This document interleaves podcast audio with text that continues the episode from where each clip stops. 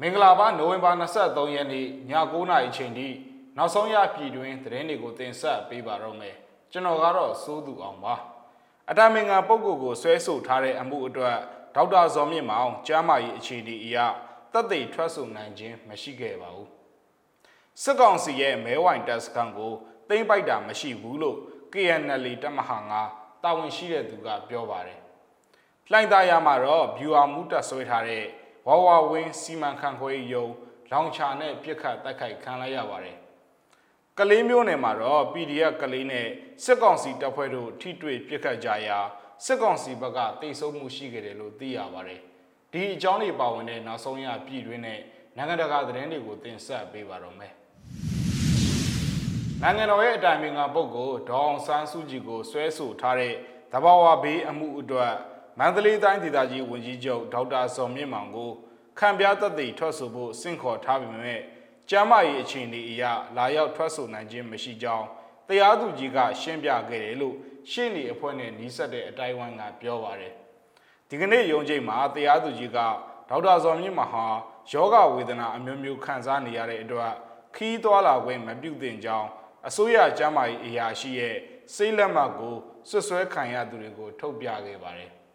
ဒီကနေ့ရုံးချိန်မှာတော့ကြားနာစစ်ဆေးတဲ့သဘာဝဘေးအမှုမှာဒေါ်အောင်ဆန်းစုကြည်ကိုတရလိုဦးညီညီက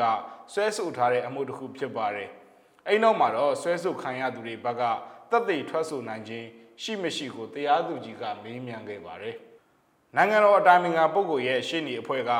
နောက်ရုံးချိန်မှာဒေါက်တာဇော်မြင့်မောင်ရဲ့တပ်သိထွက်ဆိုချက်ကိုဘလို့ယူသင့်လဲဆိုတဲ့အချက်ကိုတင်ပြသွားမယ်လို့ပြန်လည်လျှောက်ထားခဲ့ပါတယ်။ အဲ့နောက်မှာတော့တရားသူကြီးကရှင်းနေအဖွဲ့ရဲ့တင်ပြလျှောက်ထားမှုကိုကြားနာသွားမယ်ဆုံးဖြတ်ချက်ချမှတ်ပြီးနိုဝင်ဘာ30ရက်ကိုပြန်လည်ချင်းဆိုလိုက်ပါတယ်။အဲ့ဒီမှာတော့နိုင်ငံတော်သမ္မတဦးဝင်းမြင့်အပါအဝင်၃ယောက်ကိုဆွဲဆိုထားတဲ့စုပူအောင်လုံဆော်စေမှုပုံမှန်95ခါခွေအမှုအတွက်အပိသက်စီရင်ချက်အမိန့်ချမှတ်သွားမှာဖြစ်ပါတယ်။ဒါအပြင်မှာရင်းနှီးမှာပဲဒေါအောင်ဆန်းစုကြည်နဲ့ဦးဝင်းမြင့်တို့ကိုဆွဲဆိုထားတဲ့တဘာဝဝေးပုံမှန် 25အတွက်လည်းအပိသက်စီရင်ချက်အမိန့်ချမှတ်သွားမှာဖြစ်ပါတယ်။ရန်ကုန်တိုင်းဒေသကြီးလှိုင်သာယာမြို့နယ်ရန်ကုန်ပသိမ်လမ်းမကြီးဘေးမှာရှိတဲ့ဝဝဝင်းစီမံခန့်ခွဲရေးရုံးမှာတက်ဆွဲထားတဲ့စစ်ကောင်စီတပ်ရဲ့ဗျူဟာမှုဥဆောင်တဲ့အဖွဲ့ကိုလက်နက်ကြီးနဲ့ပစ်ခတ်တိုက်ခိုက်ခဲ့ကြောင်းလှိုင်သာယာမြို့ပြပျောက်ကြားတပ်ဖွဲ့ကပြောပါတယ်။ M79 လောင်ချာနဲ့ 40mm ဘုံသီးတစ်လုံးပစ်သွင်းခဲ့တဲ့သူတို့တွေနေတဲ့အိမ်ပေါ်ကိုကျသွားတယ်။ သူတို့ကအင်အား30လောက်တော့ရှိတယ်ထိခိုက်မှုကိုတော့မသိရဘူးလို့အဆိုပါအဖွဲ့ကပြောပါတယ်အဆိုပါဗျူဟာမှုဥဆောင်တဲ့အဖွဲ့ကိုအောက်တိုဘာ22ရက်ကအဝေးထိပ်ဘုံနေနဲ့တိုက်ခိုက်ခဲ့ပေမဲ့အမိုက်ကောက်သမားတယောက်ကြောင့်ပြက်ပြဲသွားခဲ့ရကြောင်းသိရပါတယ်အခုစစ်စင်ရေးဟာမဟူယာစစ်စင်ရေးအောက်မှာဆက်လက်လှုပ်ဆောင်တာဖြစ်ကြောင်းသိရပါတယ်နိုဝင်ဘာ22ရက်နေ့ည9:00နာရီချိန်ကလည်းလှိုင်သာယာစနေမ9ထိပ်မှတ်တိုင်မှာရှိတဲ့တမတော်အထည်ချုပ်ဆက်ယုံ ရွှေလင်ပန်းကျောင်းရှိမှတ်တိုင်နားနဲ့မြစိမ်းရောင်အိမ်ယာအနားတို့မှာပောက်ကွဲမှုတွေဖြစ်ပွားခဲ့ပါသေးတယ်။အချမ်းဘတ်စစ်ကောင်စီရဲ့မဲဝိုင်တပ်စကန်ကိုတိမ့်ပိုက်ခဲ့တာမရှိဘူးလို့ကရင်အမျိုးသားလွတ်မြောက်ရေးတပ်မတော် KNL တပ်မဟာ9အရာရှိတယောက်ကပြောပြပါတယ်။ KNL တပ်မဟာ9ရုံးထိုင်မှုဘုံမှုစောကလေတို့ရဲ့ဖုန်းကိုဆက်သွယ်စဉ်မှာအဆိုပါရုံးမှာရှိနေတဲ့အရာရှိကဖြေကြားခဲ့တာပါ။ ဘုံဘူးကတော့ညနေလောက်မှပြန်ရောက်မယ်အသေးစိတ်ကတော့အဲ့ဒီမှာသိရမယ်လလောဆယ်ကျွန်တော်ပြောနိုင်တာကအဲ့ဒါသတင်းအမှားပါသိမ်းယူခဲ့တာမရှိပါဘူးလို့ KNL အရာရှိကမျက်စိမှကိုနေ့လယ်ပိုင်းမှာဖြေကြားပါတယ်ကရင်ပြည်နယ်မူဒရခရိုင်ဒွဲလုံးမြို့နယ်မဲဝိုင်ဒေသမှာရှိတဲ့မဲဝိုင်စခန်းကို KNL ကတင်ပိုက်လိုက်တယ်ဆိုတဲ့သတင်းတွေလူမှုကွန်ရက်စာမျက်နှာမှာပြန့်နှံ့နေခဲ့တာဖြစ်ပါတယ်2020ပြည့်နှစ်ဒီဇင်ဘာလတုန်းကလည်း အဲ့လိုမျိုးသတင်းတွေထွက်ပေါ်ခဲ့ဘူးပါတယ်ဒါပေမဲ့အဲ့ဒီအချိန်တည်းကအဆိုပါဒေသမှာစစ်ကောင်စီတပ်က KNL တပ်စခန်းတွေကို drone တွေနဲ့လိုက်လံကြည့်ရှုတာကြောင့်နှစ်ဖက်ထိတွေ့မှုတချို့ရှိခဲ့ကြောင်းလည်းသိရပါတယ်အခုသတင်းထွက်ပေါ်ရာတမဟာ9ဒေသဟာတိုက်ပွဲတွေဖြစ်ပွားနေတဲ့ဒေသဖြစ်ပြီးနိုဝင်ဘာ19ရက်ကလည်းစစ်ကောင်စီတပ်အင်အား400ဝန်းကျင်ထပ်မံဝင်ရောက်လာကြောင်း KNL စီကသိရပါတယ် ကရင်အမျိုးသားအစည်းအရုံး KNU ရဲ့ထုတ်ပြန်ချက်အရတော့အောက်တိုဘာလအတွင်းမှာ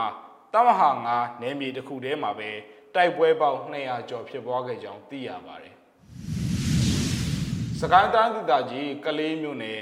မှန်တော်ရွာအကျော်မှာစစ်ကောင်စီတပ်ဖွဲ့နဲ့ PDF ကလေးတို့ပြစ်ခတ်တိုက်ခိုက်မှုဖြစ်ပွားရာစစ်ကောင်စီတပ်ဖွဲ့ဝင်တချို့တိုက်ဆုံမှုရှိကြောင်းကလေးမြို့ပြည်သူ့ကာကွယ်ရေးတပ်ဖွဲ့က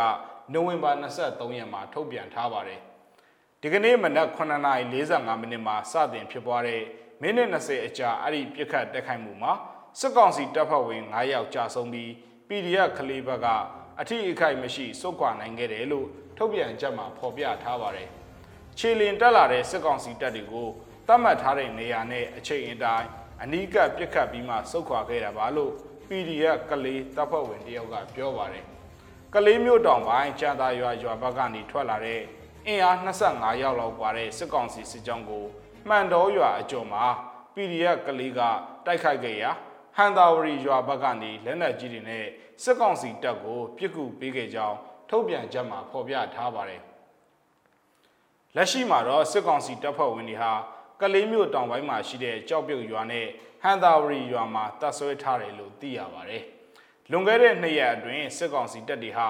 ကလေးမျိုးဘက်ကနေထောက်ကျန်ရွာ တာစီရွာနတ်မြောင်းရွာနတ်ချောင်းရွာတွေဘက်ကိုနယ်မြေရှင်းလင်းဖို့စစ်ကြောင်းတွေချီတက်လာပေမဲ့ဒီကနေ့မှာတော့တဖြည်းဖြည်းပြန်လည်ဆုတ်ခွာနေကြောင်း PDF ကလေးတာဝန်ရှိတဲ့သူကဆိုပါတယ်။တိုက်ပွဲတွေအချိန်မရွေးပြန်လည်ဖြစ်ပွားနိုင်တာကြောင့်ပြည်သူတွေအနေနဲ့လုံခြုံရေးသတိနဲ့နေထိုင်ပြီးဒေသအတွင်းမှာရှိတဲ့ပြည်သူလက်နက်ကိုင်တွေရဲ့ထုတ်ပြန်ကြေညာချက်တွေကိုလိုက်နာပူးပေါင်းဆောင်ရွက်စီလိုကြောင်း PDF ကလေးတပ်ဖွဲ့ဝင်ကပြောပါတယ်။ ရမန်နေ့နိုဝင်ဘာ22ရက်နေ့ကလည်းစစ်ကောင်စီတပ်နဲ့ပြူစောတီစခန်းချတပ်ဆွဲထားတဲ့ကြောက်ပြုတ်ရွာကိုဝန်ရောက်တိုက်ခိုက်ရာနှစ်ဖက်အကြအဆုံးတွေရှိခဲ့ပါသေးတယ်။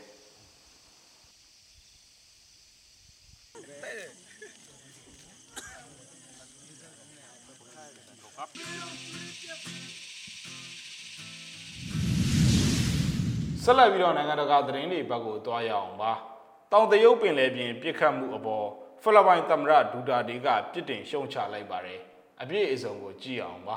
။ဖိလစ်ပိုင်သမ္မတရော့ဒရီဂိုဒူတာတေကအငင်းပွားတောင်တရုတ်ပင်လယ်ပြင်အတွင်းတရုတ်ကမ်းရိုးတန်းဆောင်သင်္ဘောတွေကဖိလစ်ပိုင်လှေတွေကိုရေအမြောက်နဲ့ပြစ်ခတ်ခဲ့တဲ့ကိစ္စအတွက်နိုဝင်ဘာလ22ရက်တနင်္လာနေ့ကပြစ်တင်ရှုံချလိုက်ပါတယ်။မိမိနိုင်ငံဟာ နိုင်ငံငယ်တွေအပေါ်အနိုင်ကျင့်စော်ကားမှာမဟုတ်ကြောင်းကတိပြုထားတဲ့တရုတ်သမ္မတရှီကျင်းဖျင်ကအင်ရှင်အဖြစ်လက်ခံကျင်းပနေတဲ့အာဆီယံနဲ့ထိပ်သီးအစည်းအဝေးမှာဒူတာဒေကအခုလိုပြောကြားလိုက်တာဖြစ်ပါတယ်။ဘရူနိုင်း၊မလေးရှား၊ဖိလစ်ပိုင်၊ထိုင်ဝမ်နဲ့ဗီယက်နမ်နိုင်ငံတွေကရှင်းပြိုင်တောင်းဆိုမှုတွေရှိနေတဲ့နှစ်စဉ် ကုန်သွယ်မှုဒေါ်လာထရီလီယံပေါင်းများစွာဖြတ်တန်းနေတဲ့ရေလမ်းကြောင်းအလုံးနီးပါးကိုတရုတ်ကသူ့ပိုင်တဲ့အဖြစ်ကြေညာထားတာပါ။ဘေကျင်းရဲ့တမိုင်းကြောင်းအရာပိုင်ဆိုင်ကြောင်းအရေးဆိုမှုကိုအခြေအမြင့်မရှိကြောင်းပယ်ချခဲ့တဲ့ Hate အခြေဆိုင်နိုင်ငံတကာခုံသမာဓိတရားရုံးရဲ့2016ခုနှစ်စီရင်ချက်ကို၎င်းကလစ်လျူရှုထားခဲ့ပါတယ်။ပြီးခဲ့တဲ့သတင်းပတ်အတွင်းက Spready ကျွန်းစု Second Thomas Shaw ကန်ယူရန်မှာရှိတဲ့ဖိလစ်ပိုင် Marine တပ်ဖွဲ့တွေအတွက်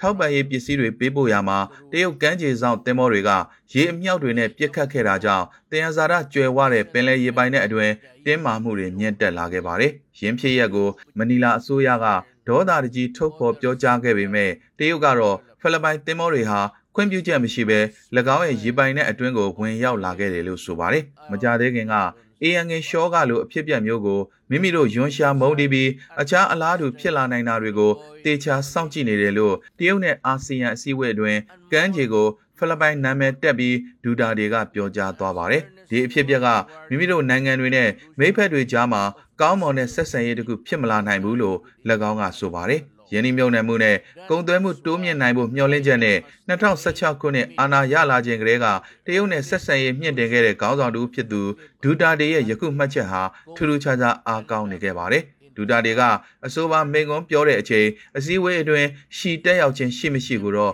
တေချာမသိရပါဘူးတောင်တရုတ်ပင်လယ်ကိုငြိမ်းချမ်းစွာနဲ့ချစ်ကြည်ရင်းနှီးစွာပူးပေါင်းဆောင်ရွက်မှုပင်လယ်အဖြစ်တည်ဆောက်နိုင်ဖို့ရှီကျင်းဖြင်ကပြောကြားခဲ့ပြီးတောင်တရုတ်ပင်လယ်တည်ငြိမ်ရေးကို အတူတကွထိန်းသိမ်းကြရမယ်လို့၎င်းကဆိုပါတယ်။